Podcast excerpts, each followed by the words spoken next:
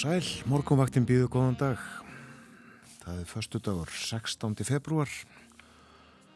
Klukkunum vantar nýjum myndur í sjö. Hér sittja Björn Þór og Þórun Elisabeth og við fylgjum ykkur til nýju. Og ætlum að nefna það fyrst að það var rangt farið með uh, nafn þess sem að flutti okkur morgun bæn og orð dagsins hér rétt áðan. Þetta var sér að Jóna Kristín Þorvaldsdóttir sem er sóknarprestur í Fásgrúsfjörðarkirkju. Fyrsta morgunbæn hennar af nokkrum. En ef við þá að líta til viðus.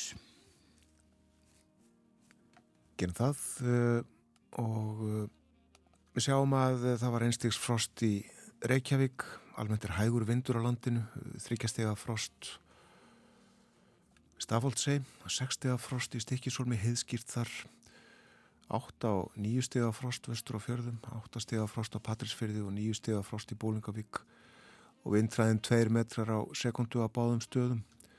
13 steg af frost á Holmavík við erum á tjónastöðum þar komin í lag sömsi 7 steg af frost á Blönduósi og 3 steg af frost við Söðunisvita 7 steg af frost á Akureyri.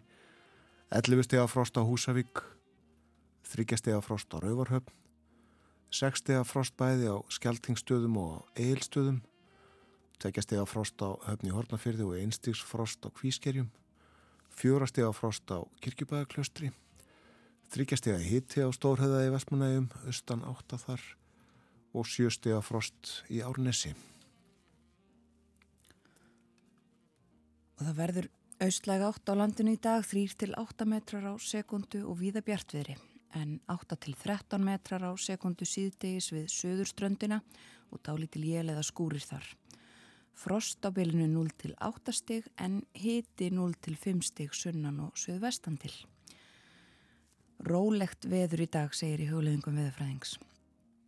En það hversir já eins og við nefndum síðdegis og hlínar jæmt og þétt.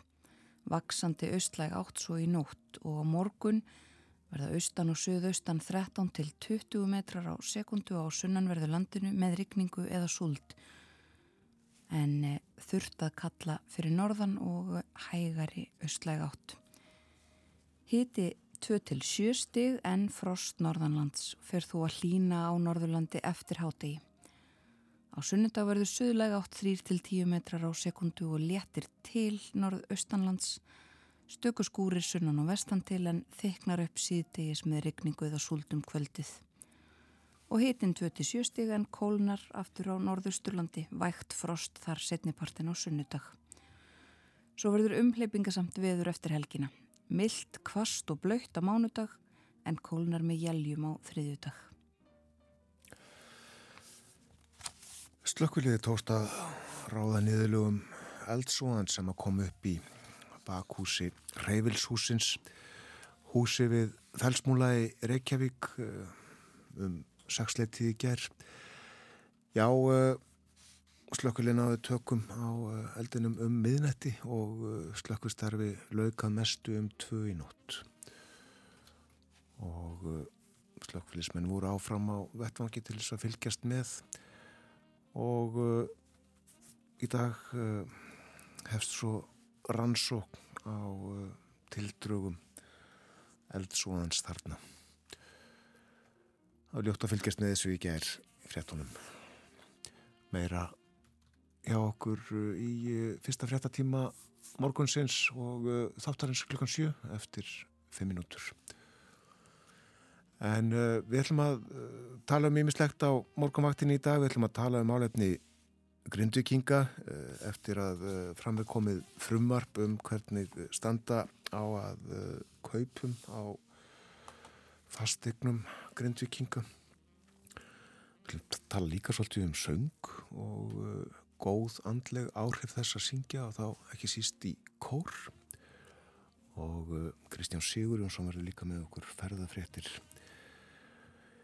Ímislegt fleira líka í handriði hjá okkur, uh, tónlist auðvitað og uh, ef ekki að uh, hlusta á eitt notalett lag. Jú, fáum fyrsta lagið á morgumvaktin í dag. Það syngur Tæna Sjór, The Nearness of You.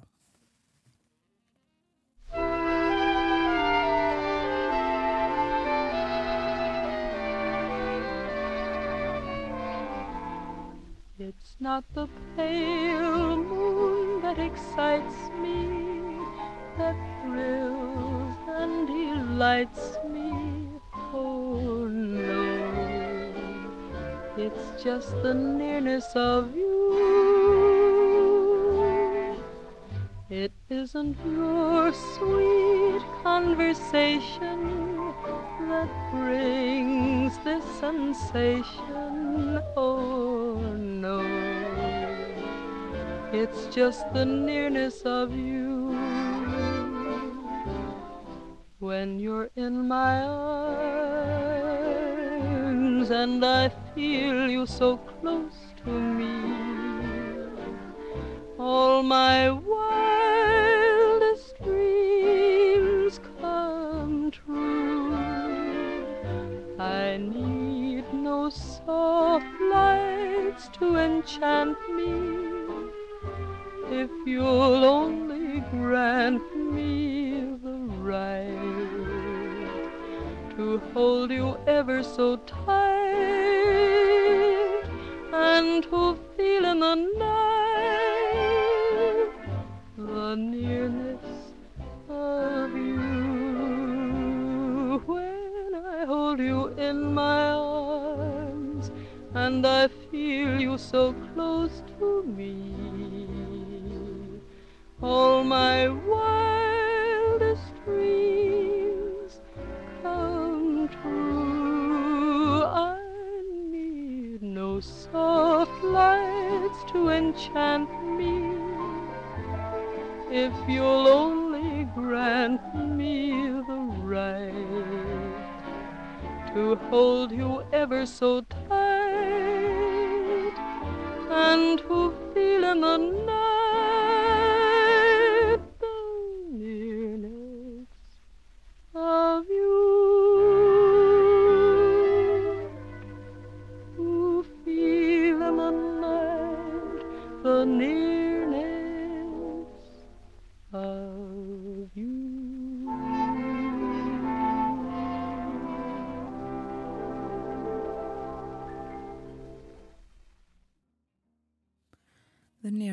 of You, Dæna Sjór. Við höfum eftir að hlusta á uh, Viking Heiðar Ólafsson spila á píanóið og uh, lögreglukórin syngja.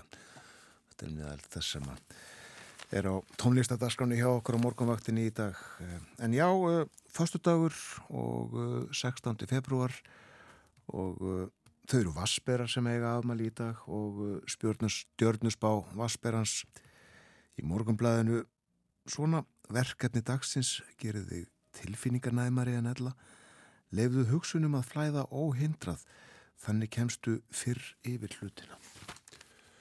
Það stýttist í fréttitar, þar koma eftir 50 sekundur eða svo, við fáum okkur aðeins meira kaffi í bollana og förum svo ítalega yfir dagskrá þáttarinn strax eftir fréttinar, lítum í blöð og uh, gerum í mislega fleira.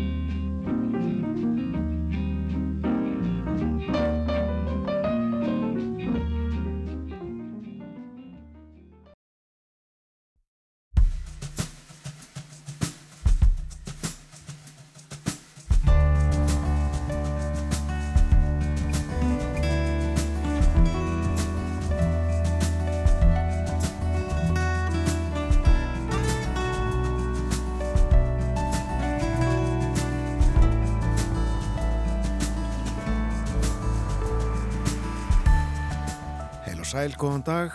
Þetta er morgunvaktinn, það er förstu dagur í dag 16. februar. Umsjónamenn þáttarins eru Björn Þó Sigbjörnsson og Þórun Elisabeth Bóadóttir. Frumvarpum kaupa og heimilum grindvikinga er komið inn í þingið og sitt sínist hverjum. Þau Ágúst Bjarni Garðarsson, þingmaður framsóknarflokksins og Otni G. Harðardóttir, þingmaður samfélkingarinnar koma til okkar klukkan halv åtta og ræða við okkur um stöðu bæði íbúa og líka fyrirtækjana í Grindavík. Við ætlum líka að uh, tala um ágætið þess að syngja. Söngurinn, göfgar og glæðir, segir einhver staðar. Tilefniðið fréttum uh, nýstofnaðan kórið mitt, alþingismanna. Það var Inga Sæland sem hafði forgöngu um stopnun Þingmannakórsins og kórstjóri er vitaskuld Jakob Fríman Magnússon stuðmaður og þingmaður. En hvaða áhrif hefur söngurinn á okkur?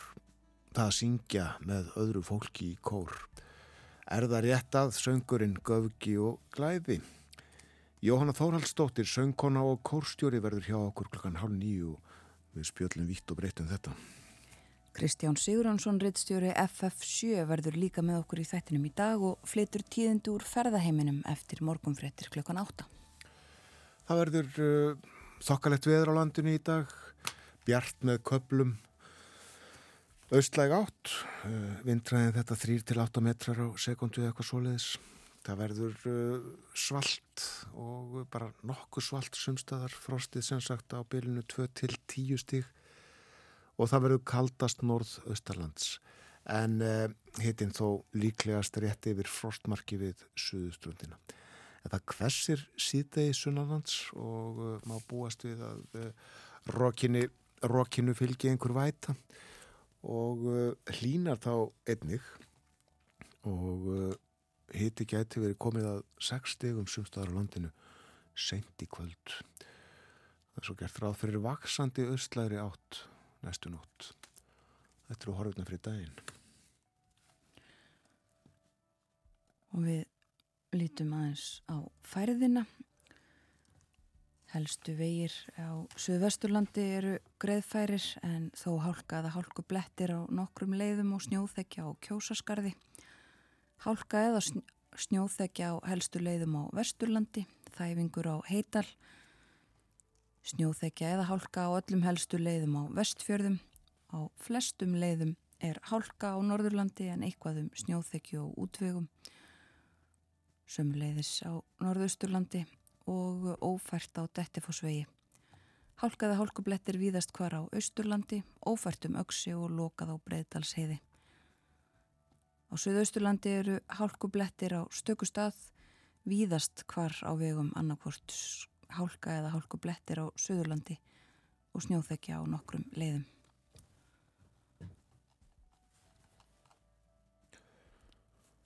Lítum þá aðeins í blöðin, eh, fórsíða morgunblassins, lögðundir eldsvoðan í felsmólunum í gerð, stór brunan þar, eins og segir hér í fyrirsögn.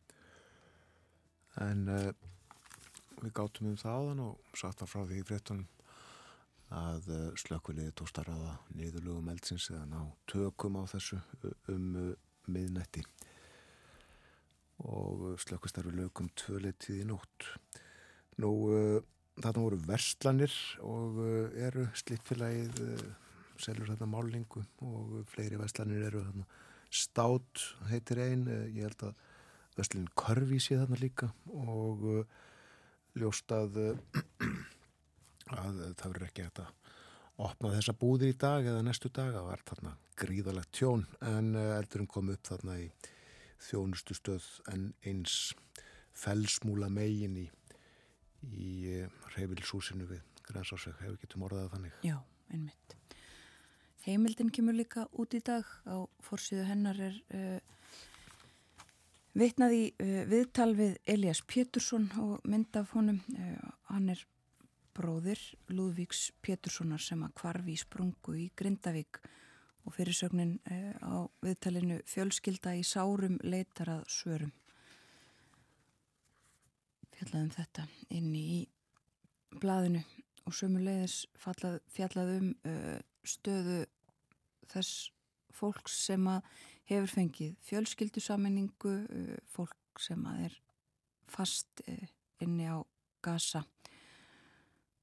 það er líka á fórsíðunni á heimildin í dag.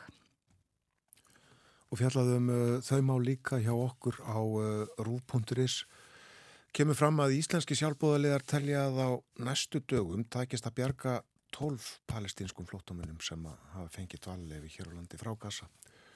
Og í þessum hópi, 12 manna hópi, eru aðalega veik og særð börn. Og umpjöllinu þetta byggð á brett frá því gerkvöldi. Ímislegt á segði út í heimi og uh, auðvitað margar frettir já af stöðunni á Gaza uh, vaksandi, vaksandi þrýstingur á Ísrael að uh, hætta við áform sín í Rafa suður hluta Gaza um, auðaríkisráð þeirrar fjölmargra ríkja að koma saman á öryggisráðstefnu í Munhjen í dag. Eh, þarna verða ráþeirar frá Bandaríkjunum og Breitlandi, Sáti-Arabíu, Egiptalandi, Katar og Jórdaníu ásamt eh, ísraelskum uh, embætsmönnum og uh, vonast til þess segir í frétt sem ég með hefur fram að mig úr braska blæðinu Guardian að uh, fundir á þessari öryggisráðstefnu muni þrýsta eða verða til þessa nægur þrýstingur verði settur á, á Ísraelsk e, yfirvöld til þess að e, hætta við og stöðva þessi áform.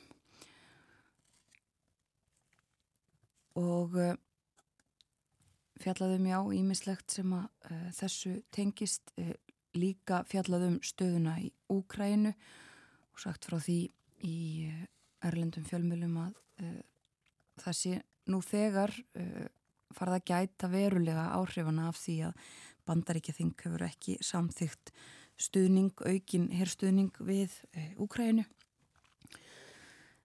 Bandaríkin hafa nú varað við því að að Úkrænumenn séu við það að missa mikilvægan bæ í austur hluta Úkrænu í, í hendur rúsa og sömulegðis við aukinn það að það uh, séu að hreinlega klárast uh, vopnin skotfærin hjá Úkrænska hernum. Og líka fjallaðum þetta út frá Allandsafsbandaleginu talað við eh, Jens Stoltenberg varnamálar á þeirrar eh, hafa verið á fundum í gær og í dag held ég líka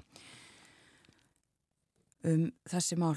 En uh, Jens Stoltenberg segir að þetta sem sagt uh, sé nú þegar farið að hafa mikil áhrif. En sé hvað fleira sem við getum nefnt eitt er það að uh, gríkir uh, hafa ákveðið að lögleiða uh, hjónabönd samkynheyra.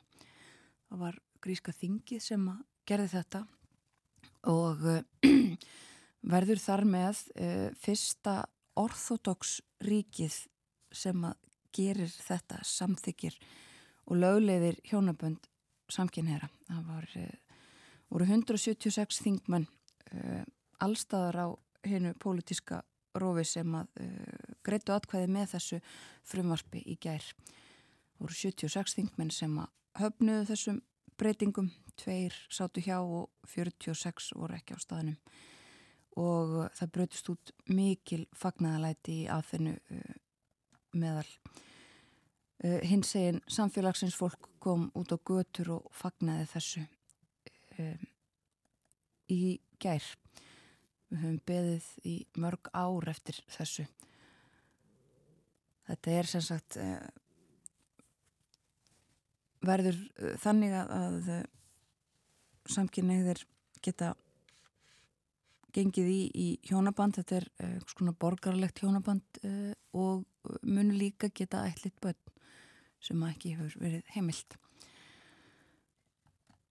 Og enn eru fjölmörg ríki innan Európusambandsins sem að ekki heimila þetta og þetta þekja tölverið tímamót hjá Gríkjum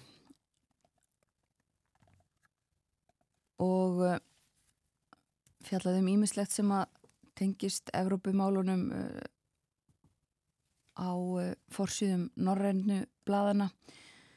Bretar eru með hugan við efnahagsmál og svo voru líka kostningar þar. Það var sem sagt verið að kjósa í tveimur kjördæmum til þings, svona auka kostningar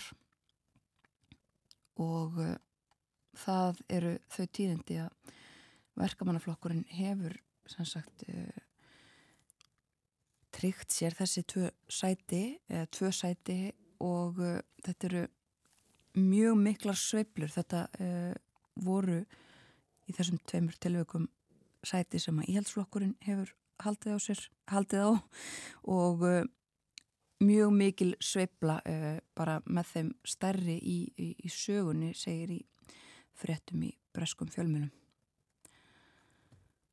Og þeir geti marksum og þetta í takt við það sem verið hefur undafarið uh, mikil sveibla í uh, átt til verkamannaflokksins frá íhaldsflokknum viða í Brellandi.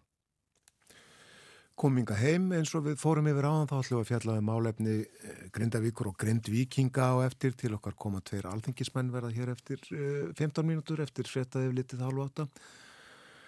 Við ætlum að tala um, tala um þessa leið sem að ríkistjórnin hefur ákveðið að fara við það að kaupa fastegnir grindvikinga íbúða húsnæði.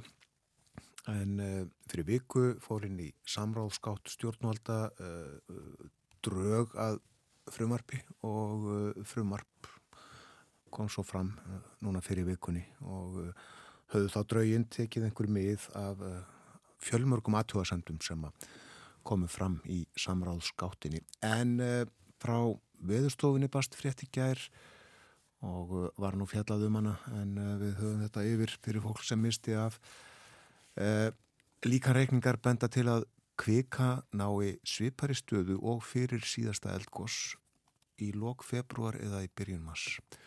Landris á svartsengisvæðinu heldur áfram og minnstur þess og hraði er mjög svipa því sem að það var eftir síðustu kviku innlöp þaðan og uh, reikningar allir uh, byggður á GPS gögnum og uh, hægt að sjá á þeim uh, kvikusatnunna og hún er talin vera núna um uh, 2-3 miljón rúmmetrar en uh, áallar var að þegar gós hófst 8. februar þá hafði um 10 miljón rúmetrar hlaupið undan svarsengi yfir í sundnúks gígaröðina. Og haldi kvikusöfnun áfram með sama hraða þá mun magn kviku ná 10 miljón rúmetrum í lok februar eða byrjun mars og þá má gera ráð fyrir því að eh, líkur á kviku hlaupi og eldgósi aukist verulega. Nú eh, aðeins að öðru hér fyrr í vikunni þá eh, fjölluðu við um eh, uppfæslu litla leikklúpsins á Ísafyrði á Fýðlarnum á Þakkinu. Við töluðum við formann litla leikklúpsins Gunnar Ingar Rapsson og töluðum líka um þetta blómlega starf sem er hjá áhuga manna leikfélugum í þaðum land.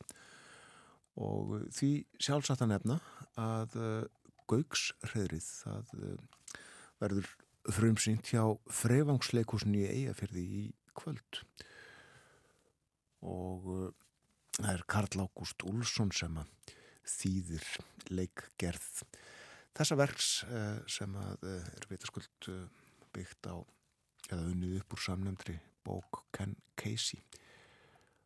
Og frá þessu er greint á vefnum akkurir.net og má sjá myndir frá æfingum. Gauksreðrið er hróllveikjandi ádela á kerfið og það er aðferðir eða meðferðir sem að beitt var á þeim tíma sem að verkið gerist á sem að uh, er á hvað sjötta eða sjönda áratöknum í, í bandaríkjunum en þarna er líka uh, líst eins og segir einstöku sambandi sjúklinga á geðspítalunum þar sem verkið gerist og hvernig þið glíma við hardræði og nýðurlægingu yfirvaldisins Og leikverkið inniheldur í senn sorg, gleði, hrylling og ilsku. Svo verið tilbúin til þess að taka á öllum ykkar tilfinningaskala, segir þessari frásögn á akkuriri.net sem er byggð á tilkynningu frá Freyvangsleikúsinu. Og uh, langar að uh, segja líka frá því að því að uh, hér fyrir vikunni var formaður landsambands lauruglumanna Fjölni Sæmundsson við vorum að tala um málefni lauruglunar vitt og breytt að ég sá í tilkynningu frá háskólanum á Akureyri að nú hefur verið opnað fyrir umsóknir í lögreglu fræði fyrir verðandi lögreglumenn og raunar einni í starfséttendanámi í yðjúþjálun. En það er alls konar skilir sem þarf að uh, uppfylla til þess að uh, komast í lögreglunámið. Það var standart í mis próf og matfólk þarf að vera íslensku ríkisborg, ríkisborgari, þú þarfst að vera orðin 20 eða 20. Þú mátt ekki hafa gæst brotleg við refsilög þorun. Þetta gildi þó ekki ef brot er smávægilegt eða langt er um liði frá því að það var framið og uh, þú þarfst að vera andlega og líkamlega heilbrið og standast lekniskoðun trúnaðaleknis og uh, þú þarfst að hafa lokið stúdursprófi eða annari sambarilegri mentun og uh, þú þarfst að standast þregpróf já og sálfræði mat matlæknis og líka einhver skilirði eða eða já um framkomu. Þú þarfst að hafa hæfni í mannlegum samskiptum og ímiðslegt fleira er tiltalið fyrir uh, fólk sem uh, vil ganga til þessu lögurgluna Já og uh, við höfum líka minnst á það áður að Vikingur Hefur Ólafsson pianoleikari hefur leikið Goldberg tilbreyði Jóhann Sebastian Bach Ég held að hann hefði gert það eh, í 8.9. sinn á miðugudagskvöld í hörpu. Það var á færtugsamali vikingshegðars og það þýðir, eh, ef þetta er rétt sem að segja hér á vefnum, að í kvöld eh, flytur hann þau þá í 90. sinn. Og þetta er heilmikið tónleikaferðalag sem hefur sleiðið gegn og hann leikur þetta í kvöld í Eldborg og svo aftur á sunnudaginn og uh, það er uppselt já en uh, tónleikarnir á miðugta voru í beitni útsendingu í sjónvarpinu á RÚF og aðgengilegir á vefnum núna og, og uh, í svona þar til gerðum foröðum í sjónvarpunum líka og sörpum. En við ætlum að heyra brot þetta er ekki af tónleikonum, þetta er af geisladisknum sem að uh, Vikingur Heiðar gaf út. Við heyrum 15. tilbreyðið úr Goldberg tilbreyðunum. Vikingur Heiðar Ólafsson.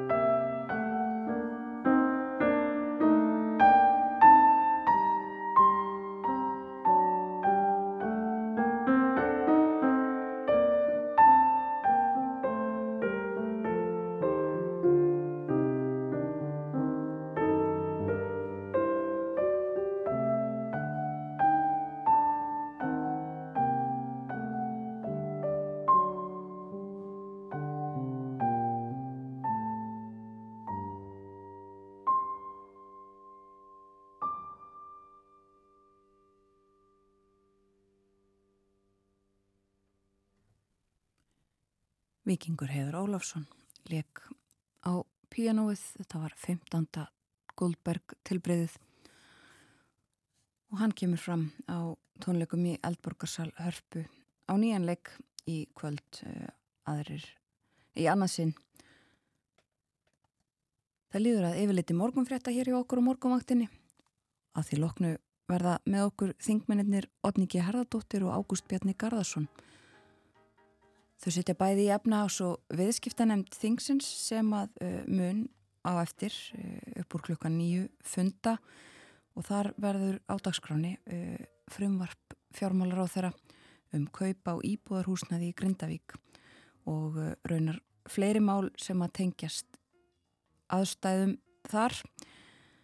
Við ræðum um stöðuna bæði hjá íbúum og fyrirtækjum í Grindavík þegar þau setjast hérna hjá okkur eftir nokkra mínútur.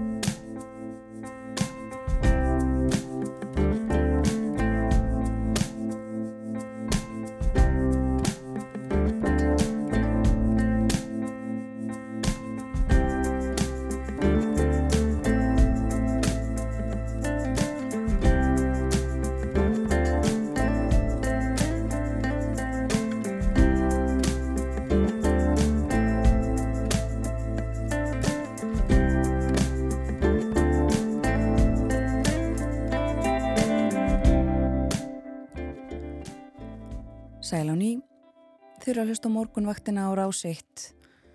Yfirleitt morgun fréttaða baki, klukkan er rúmlega halv átta og það er förstu dagur í dag, komin 16. februar. Og má kannski nefna það að uh, það verður rólegt veður í dag, segir í hugleðingum veðurfræðings. Austlæg átt 3 til 8 metrar á sekundu og bjart með köplum. Frost 2 til 10 stig, kaldast norðaustanlands en rétt yfir frostmarki við söðuströndina. Það hversir svo sunnanland síðdegis með dálítilli vætu en hlínar jamt og þétt. Hiti 1 til 6 stig sent í kvöld og svo vaksandi austlæg átt í nótt, kvast, uh, hlít og regning í kortónum fyrir uh, næstu daga. Svo verður umhleypinga samt eftir helgina. Milt, kvast og blöytt á mánudag en kólnar svo með jæljum á þriðudag. Og við ætlum að ræða næstu mínutunar um málefni grindvikinga. Í gær var mælt fyrir frumvarfi, það gerði fjármála og efnahagsráþara, Þórtís Kolbrún Reykjörð Gilvadóttir um kaup á íbúðarhúsnaði í Grindavík. En svo við nefndum hér fyrir morgun þá var uh, frumvarfið eða dröga því byrt í samráðskátt fyrir viku síðan. Það bárust yfir 300 umsagnir eða aðtúasemtir og nú þegar að frumvarpi rataðin í þingi þá hafði það tekið tillit til að minnst okkursti einhverja þessara aðtjóðsemda. Við ætlum að tala um þessi mál og líka um málefni fyrirtækja í Grindavík. Til okkar eru komin þau Ágúst Bjarni Garðarsson, þingmaður Framsóknarflokksins og Otni Gerhardóttir, þingmaður Samfélkingarinnar. Velkomin bæðið tvö. Takk fyrir. Takk fyrir það. Um, Ég vil bara byrjum á þessu frumvarfi. Þið siti bæði í, í eh, efnas- og viðskiptarnemnd sem að kemur til með að funda um þetta. Málinu var vísað til hennar í, í gær. Eh, hvernig líst ykkur á þetta frumvarfi eins og það lítur út núna? Sko, ef, ef ég á að byrja, uh, þá tel ég að það sé mjög margt gott í þessu frumvarfi. Það er þetta sprettur upp er unnið út frá ákalli frá grindvikingum sem kom uh, kannski sterkast fram í, á stórafundinum í, í lögutarsællinni og það er verið að mæta því ákalli og að mörguleiti líst mér vel á frumvarpið en það uh, frýjar okkur ekki í nefndinni að fara vel yfir það og það hafa eins og þú nefndir koma margar, komið margar aðtóðasemtir og umsagnir sumar þeirra um og flestar um svona svipað efni þannig að við þurfum að fara vel yfir það sem að þar kemur fram.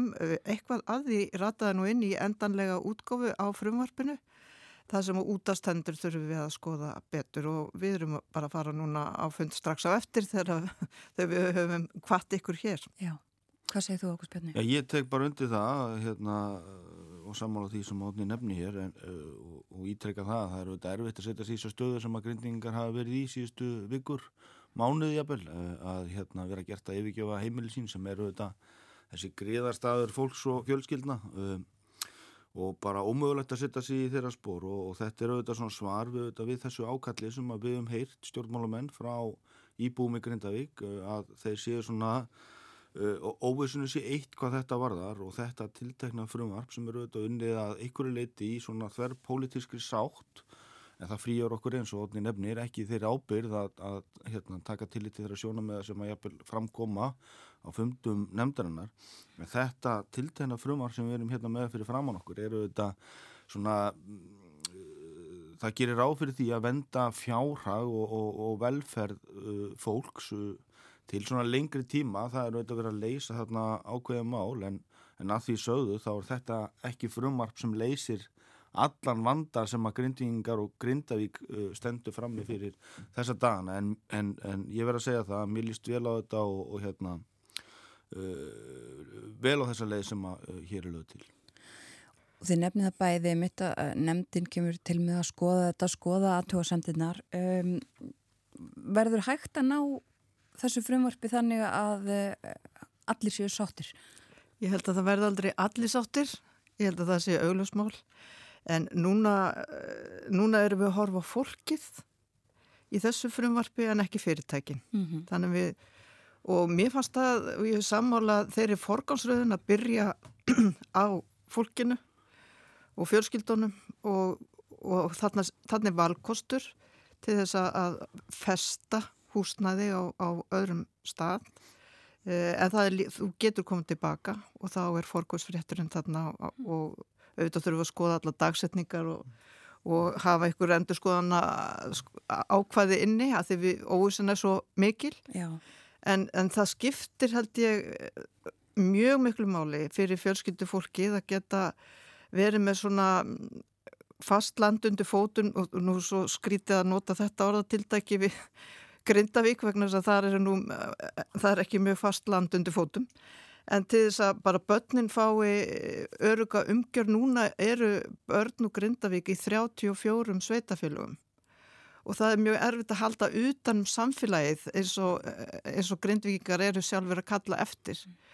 Og það þarf líka að horfa það hvernig getum við gert það? Og hinnir bæirnir og söðunisum hafa sagt við erum hér með lóðir við erum uh, viljum gerðnan taka þáttu því að byggja upp grindavíkur hverfi og hérna taka á móti fyrirtækjónum í, líka í bæina og söðunisum og þá þá geta greindugingar hugsa með, svo, með sér þegar séu að færa sig á milli hverfa í hérna, samfélaginu á Suðunessjum og það er kannski þá einfaldar að fara tilbaka ef aðstæður batna bæði fyrir fólk og fyrir fyrirtækin. Mm.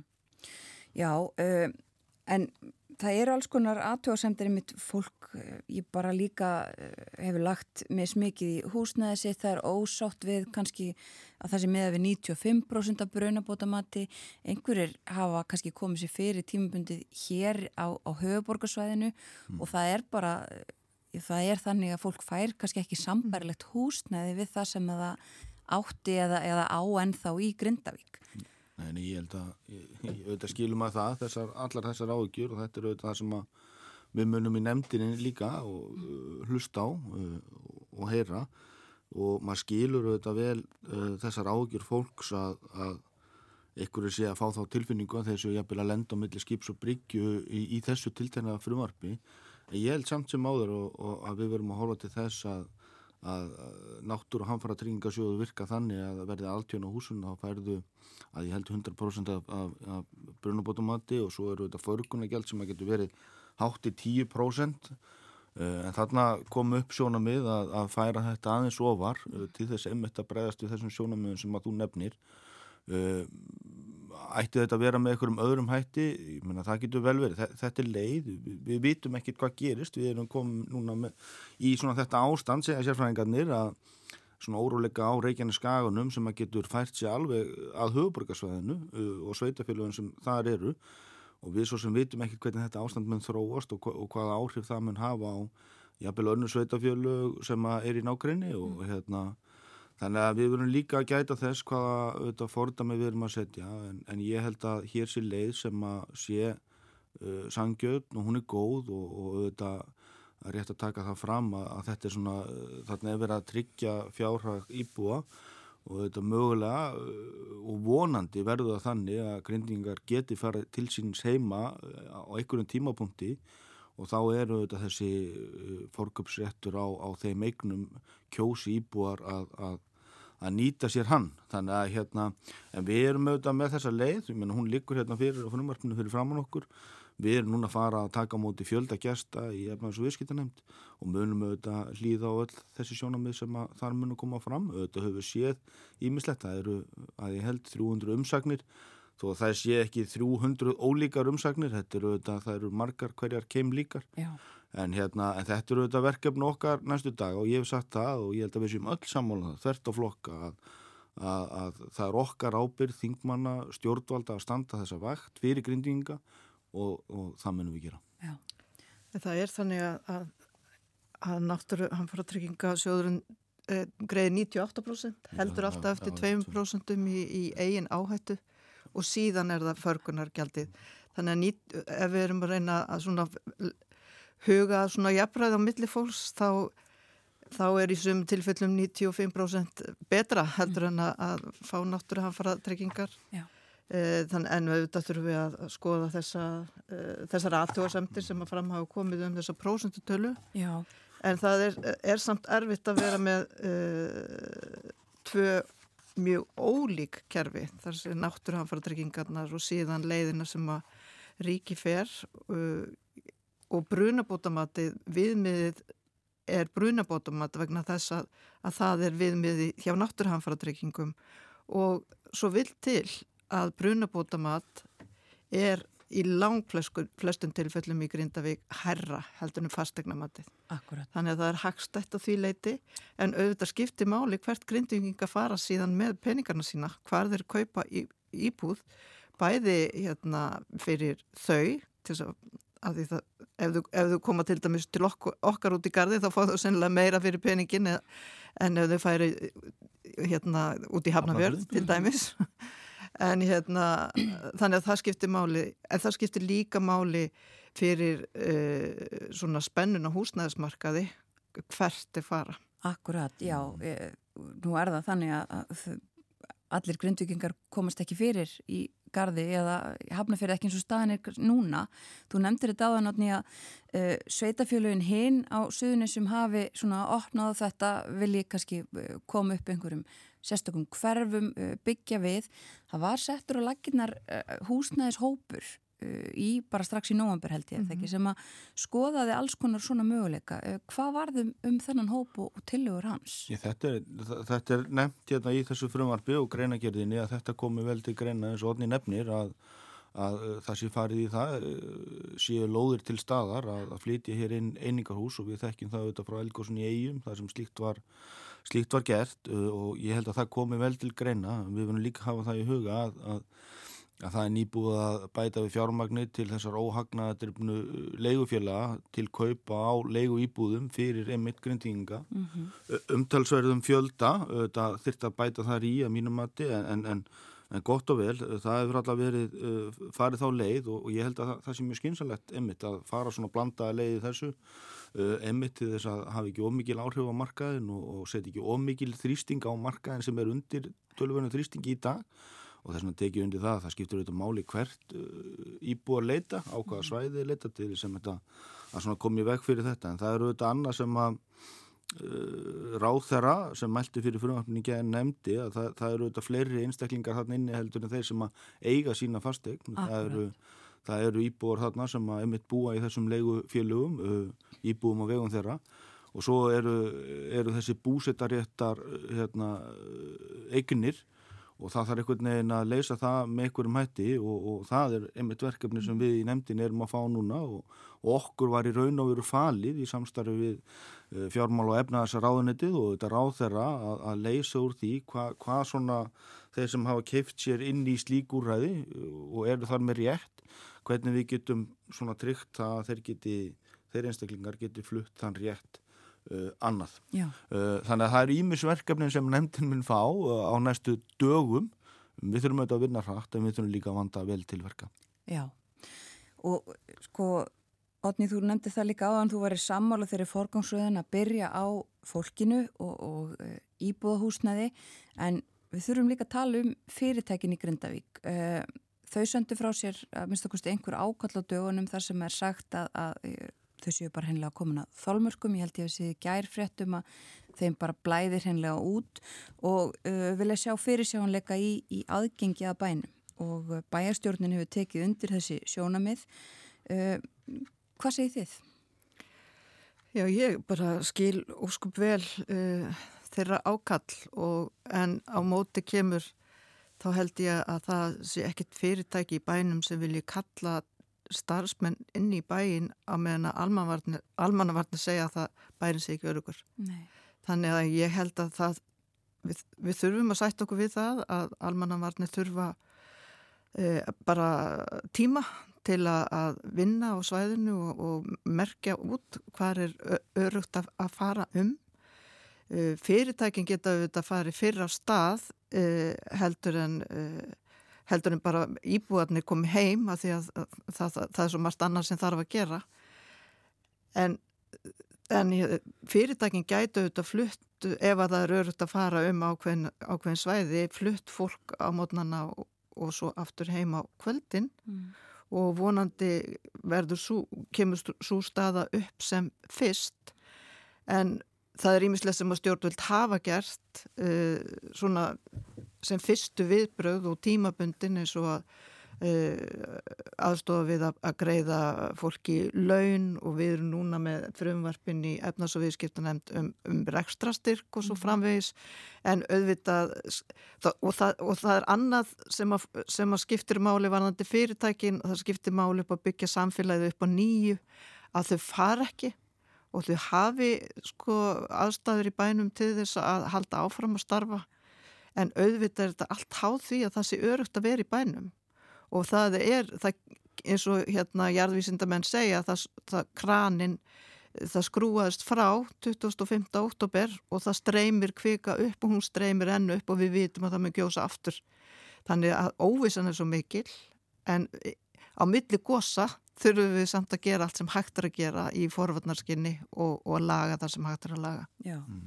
Hef, hefðu stjórnvöld þurft fyrsta fyrirtækin í Grindavík tala svona þrátt fyrir einmitt það sem hefur verið gert eh, þurfti að stíga einhvern veginn fastar þar inni, gera meira Ég auðvitað má kannski eflust segja það með einhverjum hætti. Ég held að við verum bara átt okkur á því ástandi sem við verum í og þeirra óvissu sem að þessu ástandi fylgir. Ég held að það sé kannski aðalatrið og, og hérna, ég held að heyri það nú á okkur otni og við erum nú sammála um þetta allt en það er nú lítil pólitík í þessu. Vi, við þurfum bara einhvern veginn að, að taka auðvanum fólk og fyrirtæki sem er í Grindavík og það eru auðvitað markmið og um það eru við sammála. Uh, það eru auðvitað þannig að það er búið að grýpa til ímissa aðgerða og kannski til viðbótar við það sem átni nefnir að, að þá er líka búið að koma til móts við uh, þessi fyrirtæki vanandi frestun og ofnbæra gjalda.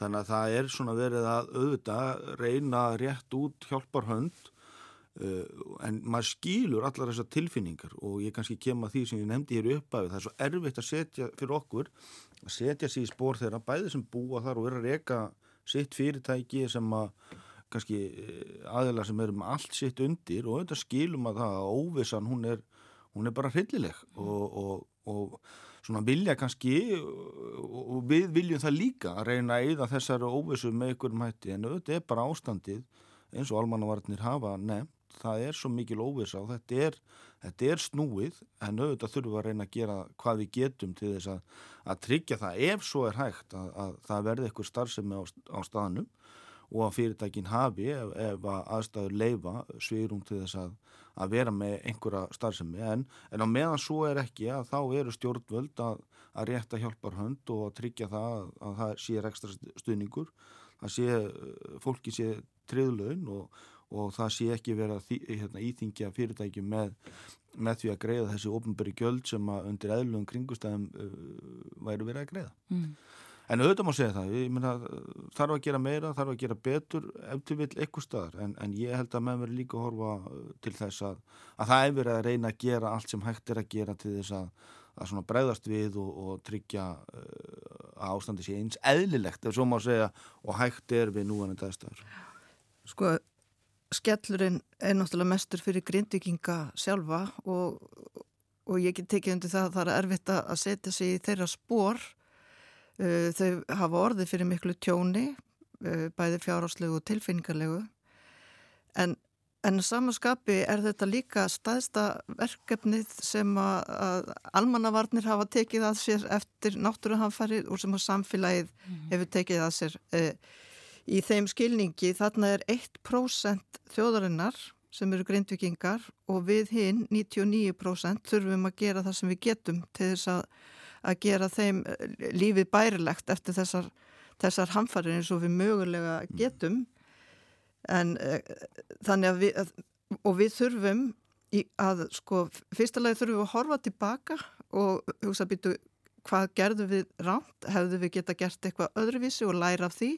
Eh, hefðu við kannski átt að fara eftir byggingareglugerðum um að það mætti ekki byggja við sprungur og svo framvegis og, og við þurfum að læra því. Við þurfum, við þurfum að þóra að horfast í auðu við það og, og, og taka það með okkur. Við þurfum að skoða hvað við getum gert hratt og öruglega núna á milli gosa til að reyna að hérna, verja lagnir til dæmis og fleira. Og síðan þurfum við að horfa uh, inn í framtíðina.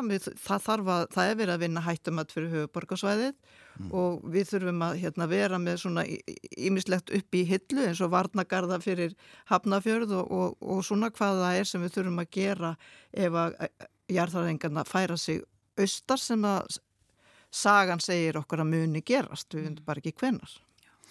Ég held að það sé bara rétt, ég finna við þurfum að huga þessu hérna öllu saman og það er verið að vinna nýtt hættumat og það tengist auðvitað bara öllum þessum sveitafélögum sem að þarna eru undir alveg inn í Reykjavík og svo framvegis og, hérna og á þess að alveg neinum óta þetta er bara ástand sem við erum í og við þurfum að, að, að tryggja það að við séum eins vel undirbúin og mögulegt er við þessar aðstæður. Uh, það er alveg ljóst að það er hérna uh, Reykjavík skæðin er vaknaður eins og má segja og eins og þau hefur sagt áður og hérna við þurfum bara að gera hvað við getum til þess að vera eins, eins og segi eins vel undirbúin og hægt er. En okkur hefur bara sem samfélagi bórið svo gæfa að að við stöndum saman og það er kannski ávið bara íslenska þjóð, okkur hefur borðið svo gæfa að standa saman þegar vel gengur. En líka þegar ítla gengur þá þjættu við ræðinar og, og svona tökum utanum um, þá sem eigum sátt að binda. Uh, og við sjáum það bara á því sem er í gangi núni í Grindavík og við höfum auðvitað, það, það er auðvitað ég ætl ekki að segja þessi gaman að segja frá því en minna, stjórnvöld, við erum nýkomin úr hér alheims faraldri þessum að greipu var til ímins að aðgerða og það er, minna, við erum að tala um að læra af reynslu þar eru við bara að nýta ímislegt sem að var gripið til í, í því ástandi og ef verið að yfirfæra yfir á þetta. Þannig að, ég tek undir það. Við þurfum bara svona, við erum alltaf að læra og, og hvað við getum gert mögulega betur og hvað gekk ekki upp. En það er bara svo mikil óvis að, að hérna, við erum stöðut í þessu ef svo má segja, svona viðbræði sko, því að það er engin fyrir sjánleiki við vitum ekki hvað næsta gos kemur upp. Það mun kom upp. Uh, hvar verður það nákvæmlega, það veit engin auðvitað. En, en hérna en við þurfum bara að tryggja það að við séum að gera allt hvað við getum til þess að, að verja innviði, reyna að verja byggðina eins og mögulegt er en, en óvissan er bara svo mikil að það er ómögulegt að segja. Og þið farið hérna mitt á uh, fund í efnaðs og viðskiptanemnd og hann verður, já, algjörlega helgaður uh, málefnum grundaukur, sínist mér. Já. Og verða fleiri vantanlega uh, á næstu dögum. Já, við erum að vonast þess að geta uh, unni rætt og vel mm. og Svona markmiðið er að ná því að gera frumvarpið á lögum í næstu viku, undir, undir lok næstu viku, en hvort að text verður við bara sjá til. Já. Ég held að það sem skiptir máli er einmitt að við, og það er samstafan það er nefndinni að vinna rætt en líka að vanda vel til verka og ég held að það sé mikilvægast í öllu að hérna, kannski einhverju dagar skiptir ekki öllu máli en, en að það sé vanda vel, eins vel til verka og mögulegt er við þessar aðstæður. Gangi ykkur vel, Ágúst Bjarni Garðarsson og Otningi Herðardóttir, Þingmenn, Framsóknarflokks og Samfélkingar. Takk fyrir.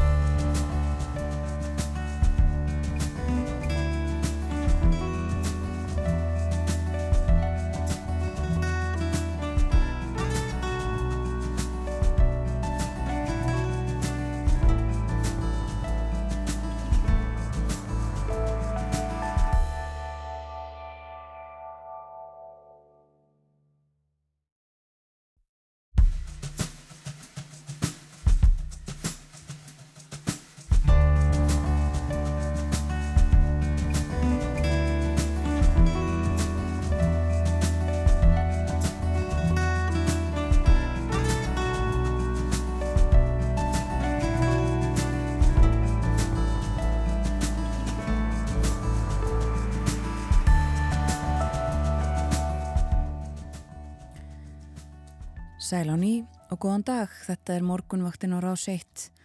Morgun fréttin er að baki, klukkan tæpar 6 mínútur gengin í nýju. Og hér fyrir fréttinnar rættum við við alþingismennina Ágúst Bjarnar Garðarsson og Otniu G. Harðadóttur. Þau eru þingmenn fyrir framsóknarflokkin og samfélkinguna og sittir bæði í efnahags- og viðskiptanemnd. Við töluðum um málefni grindvikinga og þau eru nú haldin út í daginn í nýja þinghúsi, nýja alþingis uh, húsið, ekki þinghúsið sjálft, smiðju þar sem að þau funda með öðrum fulltrúum í efnags- og viðskiptanemt uh, um málefni grindvikinga og uh, næst á dagskráni hér hjá okkur eru ferðamálin og kannski áður en við hefjum samtalið við Kristján Sigurjónsson reittstjóra FF7 þá má nefna það að að því við rættum um uh, málefni fyrirtækja og íbúa í Grindavík að þá var uh, bláa lónið að opna rétt í þessu, það var opnað klukkan átta í dag uh, allar starfstöðvar bláa lónsins uh, kaffihús, veitingastæður og hótel uh, og uh, verður opið til klukkan nýju í kvöld. Lítilega skertur afgreðslutími segir í tilkynningunni frá bláa lóninu. Og eins og hlustendur þekkja líklega flestir þá uh, fór raun yfir veginn að uh, bláa lóninu og uh, því þarf að fara lengri leðina, það þarf að fara um nesveg til þess að komast í bláa lónið. En þá erum við komin í samband við Kristján Sigurjónsson, rítstjóra FF7 heilu sællu, góðan dag. Góðan dag. Við ætlum að tala svo lítið um flugið í dag, uh, horfurnar í flugi, ekki bara hér heldur kannski í starra samhengi en um, byrjum þó hér á Íslandi. Já, það er allavega nú líku fyrir að, að sagt, afkoma Æslandir og play í fyrra var kannski ekki viðunandi, allavega ekki takt við svona þær spár sem var lagt var upp með í byrjun síðast ás og og stjórnendur flugfélagana hafa nú kynnt fjárfæstum svona horfinar fyrir þetta ár og, og það er reikna með svona bætingu hjá Æslandir þar sé að hagnaðurinn verði meira enn í fyrra en, en þó nokkur langt frá þessum svona langtíma markmiðum félagsins. Uh, en það er útlýtt fyrir að, sagt, að play verði áfram reikið með tapi það er að þegar það er reikna með að þessi svo kallar rekstrar afkoma hún verði við nullið en svo þegar félagið er búið að greiða fjármáskjöld og annað þá er ég geti tapið orðið talið í einhverjum nokkrum miljörðum þannig að það er áfram svona kannski ekki alveg nógu góðu gangur í íslensku flugi og, og stjórnendur flugfélagina hafa svo sem vísa til þess að jarðhræringar á, á Reykjanesi hafi haft slæm áhrif á bókanu sko inn á þetta ár meðan að bókunarstafn fyrir sumarið sé, sé góð þannig að þetta er svona þetta er áfram bara mjög svona söiblóttur rekstur, það er að segja flugrekstur, það eru áskoranir víða í þessum gera. Já, það er ekkert svo langt síðan Kristján að við rættum um það að það væri mjög mikið frambóð af flugi hjá þessum uh, tveimur flugfélögum. Já, það er einmitt, ég taldi það saman að sko, ef maður skoða tímabilið februar til júni ár að þá er svo að play að bæta hlutastlega langmestu við en, en ef maður telur sko ferðina sjálfar þá Já, síndist mér að Æslandir var að fjölka ferðunum hjá sér um, um cirka 1000 þessa mánuði. Play stóð fyrir aukningu upp á um 600 ferðir og, og meðan erlendu flugfélagin voru litlu að bæta við og, og hérna, e, já, eiginlega stóð í stað sem einn heilt. Þannig að aukningin skrifast helst á, á einmitt íslensku flugfélagin og, og hérna, og svo sama tíma sjáum við til dæmis að, flugfélag í nágrannalöndunum hafa svona farið varlega stað. Norvítsjan flugfélagið er, er núna, hefur ekki byrt uppkjör fyrir þetta ára en það stefnir í, í mjög gott uppkjör hjá því félagi fyrir 2023 en, en þar hefur frambóði sjálfsvegar ekki verið aukið. Ég byrti grein í morgunum að, að finska flugfélagið Finner, það skilaði verulega góðum árangri á síðast ári þess að umtalsverðum hagnaði en það félag sko var að fljúa í fyrra rétt um 77% af því sem var 2019 það skrifast náttúrulega hluta til að, að, að, að þá staðreind að finnar getur ekki flóið yfir Úsland lengur vegna strísins í Ukrænu og, og þar með getur þar finnir að fara svona lungu leiðina til Östurlanda fjær og þessi gerir útgerðina óhagkvamari en, en félagið hefur sem sagt dreyjað eins úr frambóði leikt frá sér velar og, og, og skilar það að leiðandi núna mjög góðum hagnaði. Þannig að já, það er ótt að segja íslensku félagin fór aðra leið en, en, en íslensk ferðarþjónusta þakka sennilega fyrir það því hún hefur notið góðs að því. Það hafa strengt til landsins já, næstu því fleiri ferðamenn en áður. Einmitt, en uh, er enn uh, sama frambóð af uh, flugi og útlitu var fyrir eða hafi verið tilkynnt? Ég, ég sé að það er eitthvað aðeins að draga saman. Eh, ég sé að til dæmis uh, ungverska lággjaldaflugfélagið Visser sem hefur flóið til Íslands uh, tölvert er að fækka ferðunum aðeins í næstu mánuði. Það skrifast nú sennlega ekki á, á Ísland sem áfangast. Það heldur kannski freka bara vandraði hjá því flugfélagi. Það er með mikið af hreiplum sem þarf að laga og, og það þarf að draga aðeins úr umsugunum. Mm. En, en svona heilt yfir svona heimsvísu þá er svona er því spáð að það verði kannski Asia sem verði, kannski þar verði mesti vöxturinn á þessu ári. E, það hefur verið svona mikil viðbót í ferðum bandaríkjamanna til Evrópu sístu tvö ár en nú svona stefni kannski frekar í að það svona ástandið e, eða svona eftirspurni eftir evróska markaðnum verði svona jafnari og, og bandaríkjaman muni horfa eins meira til, til Asíu og, og þar sé svona komið að uppseflu núna en, en staðan í Evrópu ja, muni jafna sig en, en, en það hefur náttúrulega verið benda á það eins og evróskir ferðarfrömmir hafa verið að tala um að, að það þýr ekki alltaf verið að horfa í, í fjölda ferðamanna, það þurfa að horfa til umhverfismálana, sjálfbærni ferðarþjónustunar og, og hún þurfa að vaksa í takt við já, það sem umhverfið leifir og, og samfélagin. Já, akkurat.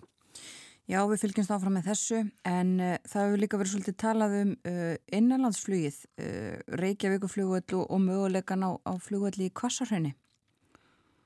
Já, og, og það verður að teljast ólíklegt að, að ráðist verði í þessa flugstöðabyggingu í, í Kvassarhraunni eins og staðinni núna. Það er þá ennþá byggðið eftir endalegri skýslum þau málinn en, en en maður sér svo sem að, að það hefur ekkert verið neitt sérstakur vöxtur í innanlandsflugi Æslandir frá Reykjavík flugvelli eh, það er svona kannski besta upplý, bestu upplýsingarna sem við höfum um umferðina um til dæmis Reykjavík flugvell því að tölur í Savia innihalda til dæmis allt útsýnisflug og engaflug og annað um, um hérna flugvellin en það hefur alltaf verið svona aðeins nýður á við og, og, og það er þá svona þess spurning hversu hversu gott það er fyrir já, þann rekstur innanlandsflugsins að það sé, farþjónum sé raun og vera að fækka. Það er, það er, það er kannski áhengjefni og konnustu það að fólk á landsbyrni hefur kvartað svolítið undan, undan, undan innanlandsfluginu og við sjáum að Ernir flugfélagi sem er heldur út í flugi til dæmis til Húsavíkur og Vestmanæja hefur þurft að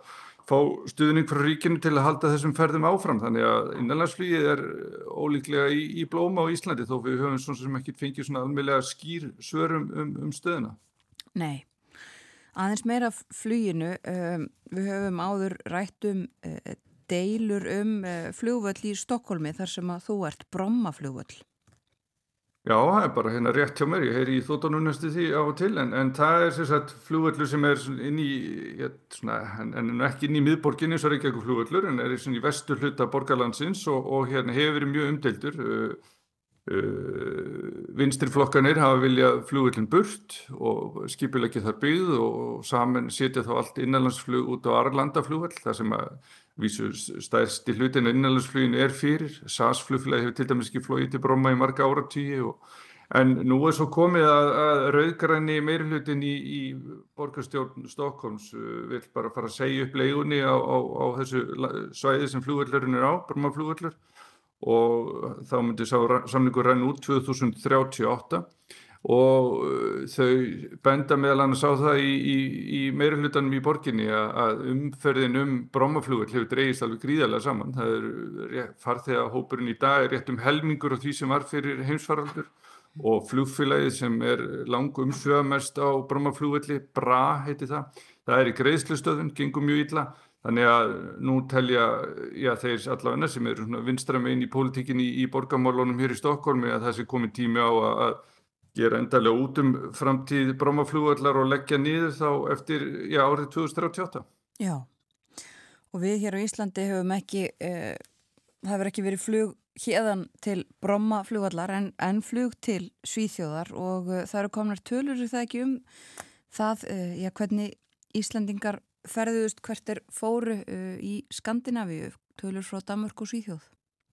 Jú, og, og ég fletti þessu öllu upp samkvæmt í, í hagstofun þessara landa og þá sér maður að, að Íslandika streymdu sem fyrir til Danmerkur og, og þar voru, svona fjöldi gistináta sem voru ætlaðar Íslendingum, þar voru álíka margar í fyrra og árið undan sem var líka mjög gott, þannig að eftir heimsfaraldið þá streymdu Íslendika til Danmerkur og hafa haldið því bara áfram í fyrra.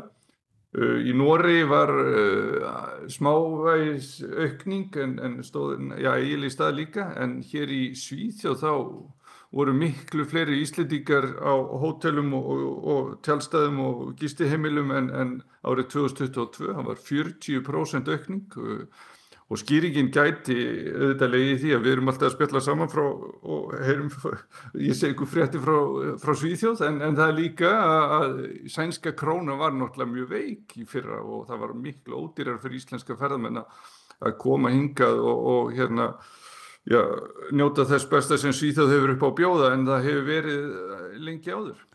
Einmitt það, það hefur sitt að segja þegar fólk ferðast. Segjum þetta gott að ferðamálum í dag, kæri þakkir fyrir að vera með okkur Kristján Sigurjónsson, rittstjóri FF7. Takk fyrir mig. Aðeins meira á þessari átt. Líklega þykir flestu fólki gaman að ferðast, fara til annara landa og kynast menningu og annara þjóða að skoða sig um á nýjum slóðum. En fólki finnst misgaman að dvelja á flugöllum og uh, sumum finnst það raunar reynlega óbærilegt. Flugstöðar eru yfirleitt svona frekar erfiðar og leðinlega byggingar. Uh, í þeim er jæfnan talsörður erill og fólk oftar en ekki breka trekt, sumt fólk allavega. En þetta er nú alls ekki algilt. Ég elska að vera á flugöllum skrifaði Arnar Eggert Tórótsen á Facebook á dögunum. Hlustendur ættu að kannast við Arnar Eggert. Hann kom tvívegis á morgumvaktina á síðast ári, eh, talaði um Mick Jagger þegar Jagger var áttræður síðasta sumar og eh, svo kom hann í höst og talaði um þungarokk, eh, gerði það í framaldi að því að Fossetti Íslands sótti þungarokksháttið í Þýskalandi. En Arnar Eggert er annars tónistagagrinandi bæði á Morgonblæðinu og á Rás 2 og um, hann er líka kennari við háskólan, kennir félagsfræði. En já, ég elska að vera á flugöllum, það er ekki oft sem að þetta heyrist. Og áfram skrifaði Arnar Eggert, uh, það eru þarna í pisli hans uh, töða þrjú orð sem að við notum nú ekki á Rás 1 en látum okkur hafa það fyrst hann skrifaði þetta. Ég losna aldrei við þessa barslegu spennu sem fylgir þeim, þar að segja flugöllunum. Það er missjón að fara í gegnum flugöllin og haka í hinn og þessi boks til að komast loks upp í vélina. Í ganna daga voru mamma og pappi með allt á þurru og sáu um þessa laungu flugseðla sem við fengum senda heim í posti. En nú er þetta á mínu forræði, fílaða. Það er svo gaman að fara til útlanda, skipta eins um umhverfi, hrista sig og hræra. Flugvallagestir, þar að segja þeir sem að hafa vit á réttu viðþorfi, svo ég segi það bara skýrt, þeir eru glaðsina, opnir, spendir, kátir. Saumaklúbarnir með G.O.T. klukkan 6 á mótni. Gunna, við erum hérna elskan. Prímaloft papparnir á leð til köpen að sjá Metallica dettandi mentaskólagýrin, litlar fjölskyldur þar sem að þeir finnur blönduna af létti og forvitni fyrir því sem framöndan er. Og það er gaman að rekast á vini og kunningja í þessum ham. Já, flýuru þá í gegnum Mílanó. Það er líf og fjör. Á flugöllum ertu handan tíma. Þú neðist til að hanga og ger ekki neitt. Er það vel? Það er oflítill tími til að skrifa heilan pistil en of langur tími til að gera alls ekki neitt. En samt þessir tölvupóstar sem þú ætlaði að kíkja á geta fokkað sér. Maður skröldir því um svæðið, tekkar á bókabúðinni, eigðið saplutuna með spilverkinu, tekkar á veitingastöðum, túnfiskloka á 2900 segiru og fyllir á vassbúsan og pælir í fólkinu. Allir flestir starfsmenn bú í Keflavík Ég elska líka að fljúa, verð sjóra, dýrka flugtækið, djöfull er þetta alltaf magnað. Hvernig er þetta hægt? kíki út um gluggan og Keflavík er pínulítil. Panta vond kaffi. Sett kóin í eirun og blaða í rekordkollektor. Ok, og reyni að skruna í gegnum FB, Facebook á meðan fjögur er inni. Ég elska líka tíman í vélinni fram að flugtæki, spái mikið í litlu fyndnu bílunum sem eru að keira át um allt.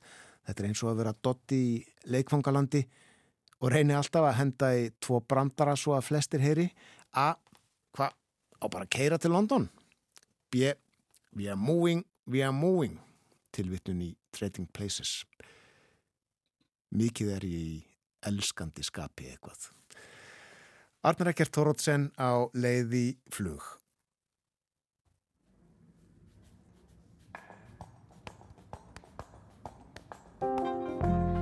Vintage tea, brand new phone, high heels on, cobblestones. When you are young, they assume you know nothing. Sequin smile, black lipstick, sensual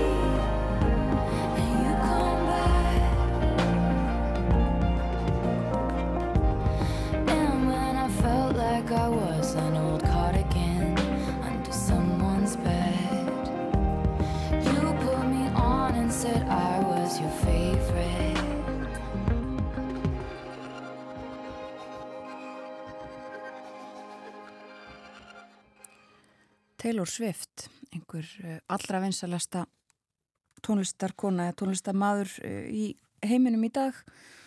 Þetta lag heitir Cardigan og er af áttundu plötunni hennar sem kom út árið 2020.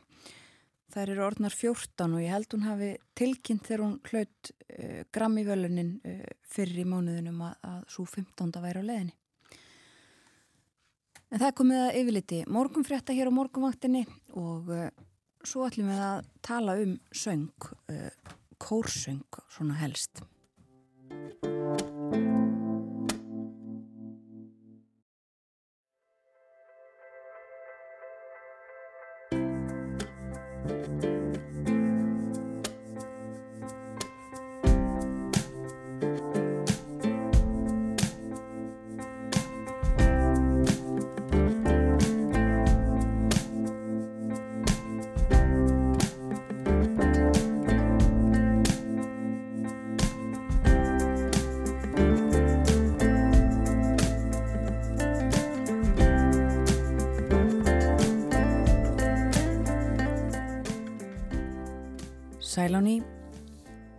Áfram heldur morgunvaktin á rás 1 síðasti hluti þáttarins er framundan. Bæði í dag og þessa vikuna það er að koma helgi og við förum aðeins yfir veðurhorfurnar á landinu í dag og um helgina. Það verður frekar rólegt veður í dag. Austlæg átt 3 til 8 metrar á sekundu og bjart með köplum frost 2 til 10 stig kaldast norðaustanlands en rétt yfir frostmarki við suðurströndina Hversir sunnanlands síðdegis með dálítilli vætu en hlínar jamt og þétt og hiti verður 1-6 stig seint í kvöld. Það verður svo vaksandi austlæg átt í nótt og austan og suðaustan 13-20 metrar á sekundu sunnanlands á morgun með rigningu eða súld. Austlæg átt líka annar staðar á landinu en hægari vindur 5-13 metrar á sekundu og þurft að kalla fyrir norðan og þar verður frost en annars hiti á bylunu 2-7 stig og það fer svo að hlína á Norðurlandi eftir hádegi á morgun lögadag. Á sunnudag verður söðlega átt 3-10 met metrar á sekundu og léttir til norðaustanlands en stökuskúrir sunnan og vestan til.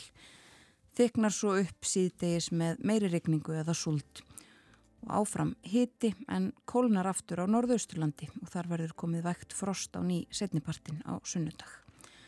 Og eins og við hefum nefnt hér í morgun þá verður umleipinga samt eftir helgina. Milt, kvast og blöytt á mánudag en kólnar svo með jæljum á þriðjudag og uh, það verður hiti í kringum frostmark á þriðjudag, miðugudag og femtudag eins og spáinn stendur núna. Nú verður hér á morgunvaktinni fjallaðum ágæti kórsöngs.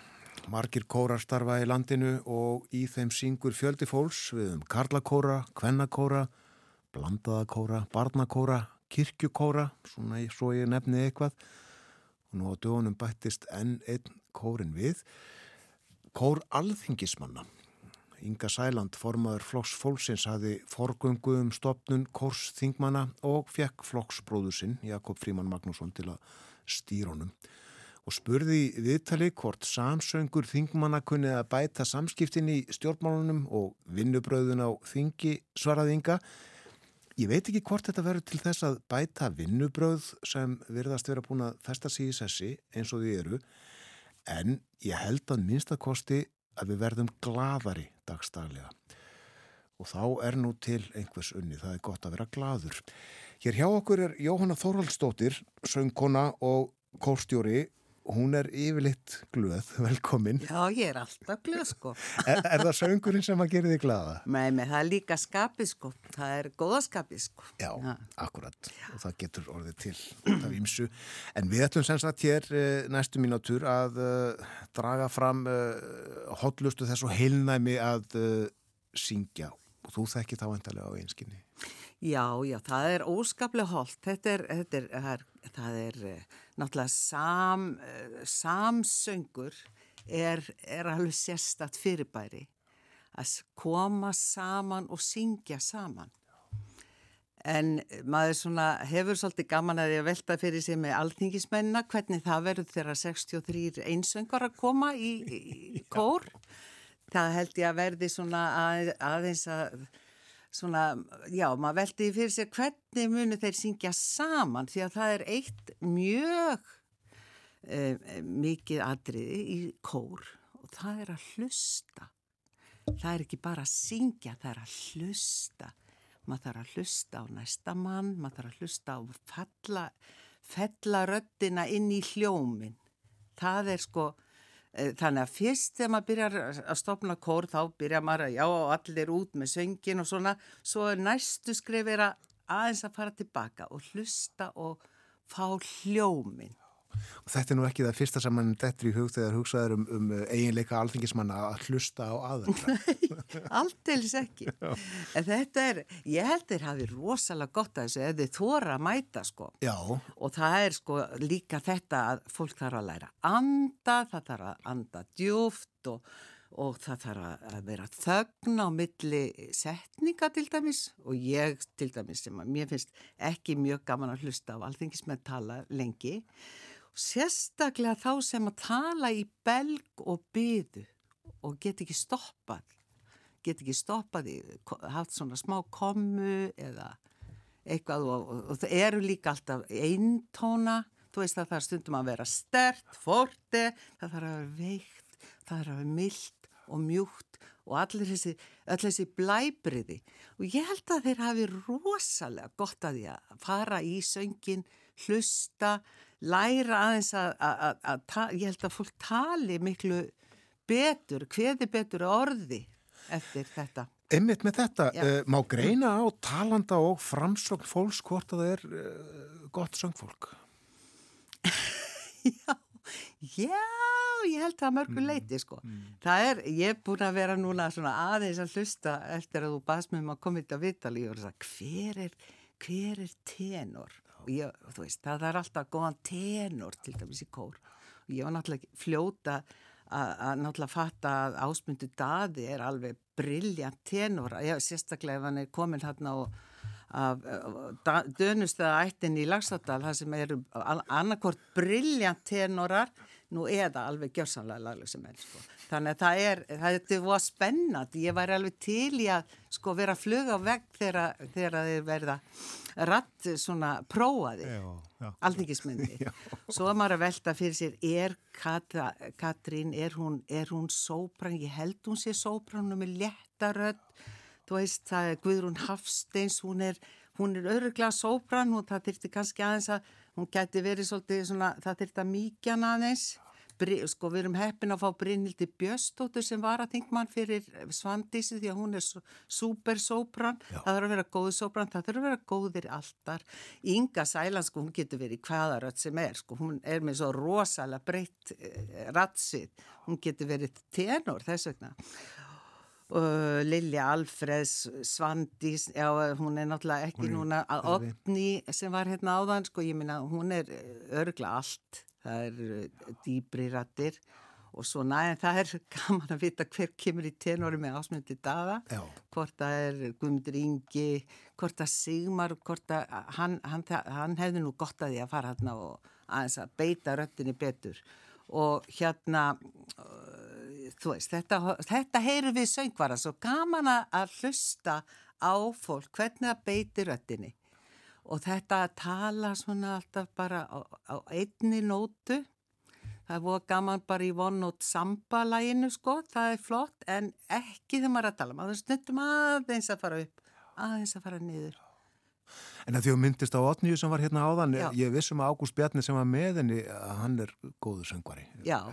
Heldur hans í bassi Ég veit það ég ekki. er ekki að segja bara baritón sko Já, er, eins og ég held að. Bjarni Ben sé baritón sko með mjög mjúka rödd sko. Ég held að hann eh, ég held að Simundur Davíð sé dýbri og náttúrulega Tommy, hamborgari hann er strigabassi alveg pottjett Að það er ljóst. já það er alveg ljóst. En þetta er mitt uh, uh, sópran, allt, uh, bassi, tenor, baritón, þetta, þetta heyrist ekki fyrir fólk fyrir að syngja. Við getum ekki sagt að, að Nei, ekki alveg frá talandanum en sumi tala hérna Já, og þeir kannski eiga auðveldara með því að fara upp og ég veit ekki sko að það, er að, að, þarf að prófa þetta Annars held ég að hann byrji nú, hann Jakob Fríman á að, að taka bara svona einrætta söng og svona. hann kann þetta. Já, hann kann að spila, sko, Já, já. Og öruglega stjórna. Og stjórna á ráttslinu. Stjórna á- En það þarf að hlýða stjórnandan með það ekki. Það er nefnilega slíða stjórnandan, sko, það er líka að horfa á hann. Nú geta ég ekki hort á síman, sko, þegar er í kór. svolítið gaman að horfa á svona fyrir mig sem bara að stúdera þetta, horfa á alþingismennina sko, það er einhver að tala, það er engin að horfa á hann, það er allir í sínu, Já. þetta er einhvern veginn svo skrítið andrumslótt sem er upp, lifir svona sem áhorandi. Já, í gegnum sjónvarsveitnar. Í gegnum sjónvarpið. Já. En það uh, kann að, að uh, fara svo að einhverjir fá ekki yngöngu eða vera hreinlega reknir vegna þess. Já, þeir þeir á ekki að hlýða trommu. stjórnendan. Við setjum á trommu, sko. Það- gerðu við í badnakoronu, sko, þegar uh, var eitthvað erfitt, þá bara setjum á hristurnar og svona, vera með. Það er líka atrið, að músisera saman. Hefur þú sungið alla þína æfi? Varstu í barnakór? Ég var í badnakor og ég var í hljómsveit og ég var alltaf, alltaf syngjandi. Já, ég fór sko í kór hjá badnastúku, Já. badnastúkun æskunni sko. Það var minn fyrstu kór. Svo fór ég MH-kórin, svo var ég endælis í kórum, svo fór ég að stjórna kórum. Ég var náttúrulega að læra söng og ég söng klassíska músík, sungið jazz og ég mislið. Kóralífið á Íslandi er bísna blómlegt eða ekki? Það er alveg óskaplega blómlegt og skemmtilegt. Hmm. Og þeir eru margir kórarnir og ég uh, svona taldi upp svona einhverjar tegundir kóra, Já. glemdi ég einhverju, er, eitthvað meira? Já, ég örgla glemdi fullt, já, kirkju? blandar alls konar. Já, þetta er bara, eh, nú náttúrulega bætist alþingiskórin í, í, og ég vona náttúrulega að syngja í gömlu fjárlögin. Það er náttúrulega alveg ídeal að syngja gömlu, það eru svona gömlu lög eins og nú það tjaldarfoldin fríða og og hérna hvað er svo glatt sem góður ræðuna fundur og svona séu líka í þessum þjóðlegu gömlu lögum þegar það hef, hef, hefðu gott að er gott að því. myndi ég segja sem Já. Kórar eru já fjölmarkir í landinu, voru kannski fleiri, við vorum að spjalla það hérna áður en að viðtali hófsta, þá voru til dæmis eh, kórar í fyrirtækjum, starfsmannafélug Já. held út í kórum. Ég myndi segja að ættu að stjórna hérna á rúf, kór, rúfkórin, Já. Ekki spurning. Margt gott sem fólk er í, þessu húsi. Er það ekki? Jú, ég held að. Það held ég. Og Og það er bara, og þið eru náttúrulega alltaf með röttina að vopni hérna. Já. En uh, er hægt að segja að allir geti sungið? Ég geta ekki, nei, ég geta því mér. Það geta allir gefið frá sér hljóð. En uh, uh, sumir bara geta ekki fyllt laglínu. Það er alveg ótrúlega skrítið. Já, þér finnst það þetta skritið. Já, það finnst mér. já, já, það er, það er svona, en ég meina, en uh, þeir geta gefið frá sér hljóð og þeir geta, uh, þeir geta verið í rappkór, sko, það má rappa. En Þeir sumir geta er, haldið takti, stumir allavega, sumir halda engum takti. nei, sumir eru einfallega falskir og, og er bara ekki takt að breyta því. Já, já, já. Það er, jú, sumir segja sér hægt að kenna, en ég meina að þú þarft að hafa endalisa þólimæði ef þú ætlar að kenna svona fólki að syngja. En ég, ég hef alveg haft fólk með minni rattir og þá hefur maður svona reynda að stilla þannig upp að þeir sé ekki alveg það sem að heyrist mest í þeim og ég að þeir hafi eitthvað annað að gera eins og Fárhistu. fárhistur eða eitthvað sko, maður, maður rettaði sér svolítið þannig með batnakórana í gamla dag. Sveimi þá ef ég hef gengt tíma verið á þrýhóttinu. nei, En það, það, það verður ekki dendil út af því, sko, sjáðu til. það er sem sagt ekki, ekki hægt að segja að allir geti sungið. Ég geta ekki, sko, en ég minna sumir hafa sagt það og, og þá bara kunna þeir eitthvað sem ég get ekki, ekki kent. Einmitt, einmitt. Svo uh, þar svo sem uh, aðra eiginleika líka til þess að, að uh, ganga í kór hér og hugsa mér ef að, ef að fólk er að hlusta fólkum meðan aldur kannski uh, langar í kór en það er svolítið stort skrifa stíga líklega fyrir. Já, sko, sumir, eins og ég manna, þegar ég var að stopna minn kvennakór, ég var með risastóran kvennakór árum áður og þá komar ekki að segja, ég hef nú aldrei getað sungið. Eh, ke- Kennarinn sagði, ég get ekki sungið. En þá er það kannski að því að þú var sett í vittlusa rödd. Já, Þú veist, oft er að konur, þú veist, oft er maður með erfiðar tóntegundir og ég veit það sem að því ég er ekki sóbrann, ég er allt, þá get ég sungið, sko, þá get ég ekki sungið í öllum þessum háu, oft þegar maður fer í samsöng eða þú fer í kirkju, það er allt oft of hátt stilt, sko, þá verður bara að syngja áttund neðar eða eitthvað. En fólk fattaði það ekki og held að gæti ekki sungi sko, þá bara var það ekki réttri rödd. Það er að stilla þetta bara af. Það er að stilla þetta saman, stilla saman strengina. Og uh, það gerir fólki gott að syngja í kór. Uh, Við Já, það. gerir fólki gott. Fólk fær samkend, ég held að komi, sko, ég held að það er miklu betri vinnubröð á alþingi eftir þetta. Fólk ber virðingu fyrir, sko, það er oft tala svo rosalega svona niður til fólks og svona, en ég held að fólk fengi meiri samkend, talaði betur, hvort um annað og bæri meiri virðingu fyrir, fyrir hvort öðru, held Já, ég, sko, en... Og hérna, það má alveg gerast, við erum samanlega um það. Er það ekki? Ég held það. Jú, ég meina og svona, uh, já, fólk færi jafnvel þykja væntu hvort annað. Þú sér það, þegar þú syngur í rödd með, með öllum þínum, þínum óvinnum á þingi, sko, þá hlýtur eitthvað að gerast. En Þetta getur náttúrulega riðlaða... Já, en þetta geti þá riðlað allri, allri öllu skipulagi í pólitíkinni þegar allt, allt í hennu kemur sko tenurarnir, þeir leggjast á eitt í einhverju Já, máli. Já, ég meina hver veit. Sopranendur alveg á móti. Já, einmitt. Já, Já, nýtt skipulag á pólitíkinni. nýtt skipula, einhver svona bylting, ég myndi segja það. Við, Bylting á alþingi, kórbylting. Við eh, fylgjumst með þessu þetta, þetta er uh, spennandi mál og skemmtilegt, ég held að fyrsta æfing sé í uh, næstu viku Ó, og kannski fá að heyra þessum kór einhver tíman. Já, já, ég vona að þeir fari nú ekki alveg að tróða upp með þetta samme, sko, þeir þurfa aðeins að æfa sig, Akkurat, akkurat. gefið þeim smá rými. Ég er hérna með upptöku frá hljómleikum Léttsveitar Reykjavíkur. Nei, Maskenada, já, ok, ég held að ég syngi einsungi því lagi. Ég held að það sé rétt. Þakka þér fyrir að vera með okkur á morgunvaktinni Jóhanna Þorvaldsdóttir.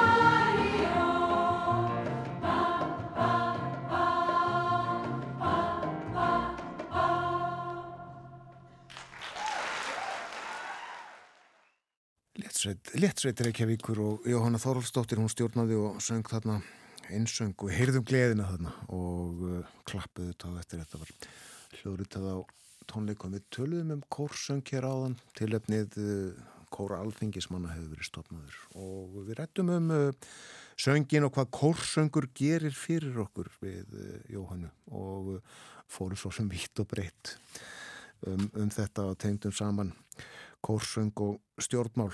Þetta gæti enda bara í tómri vittlisu vonum ekki.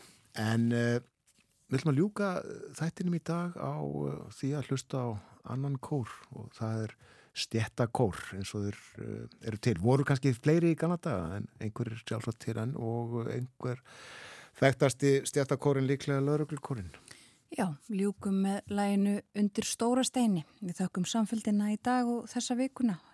Verðið sæl.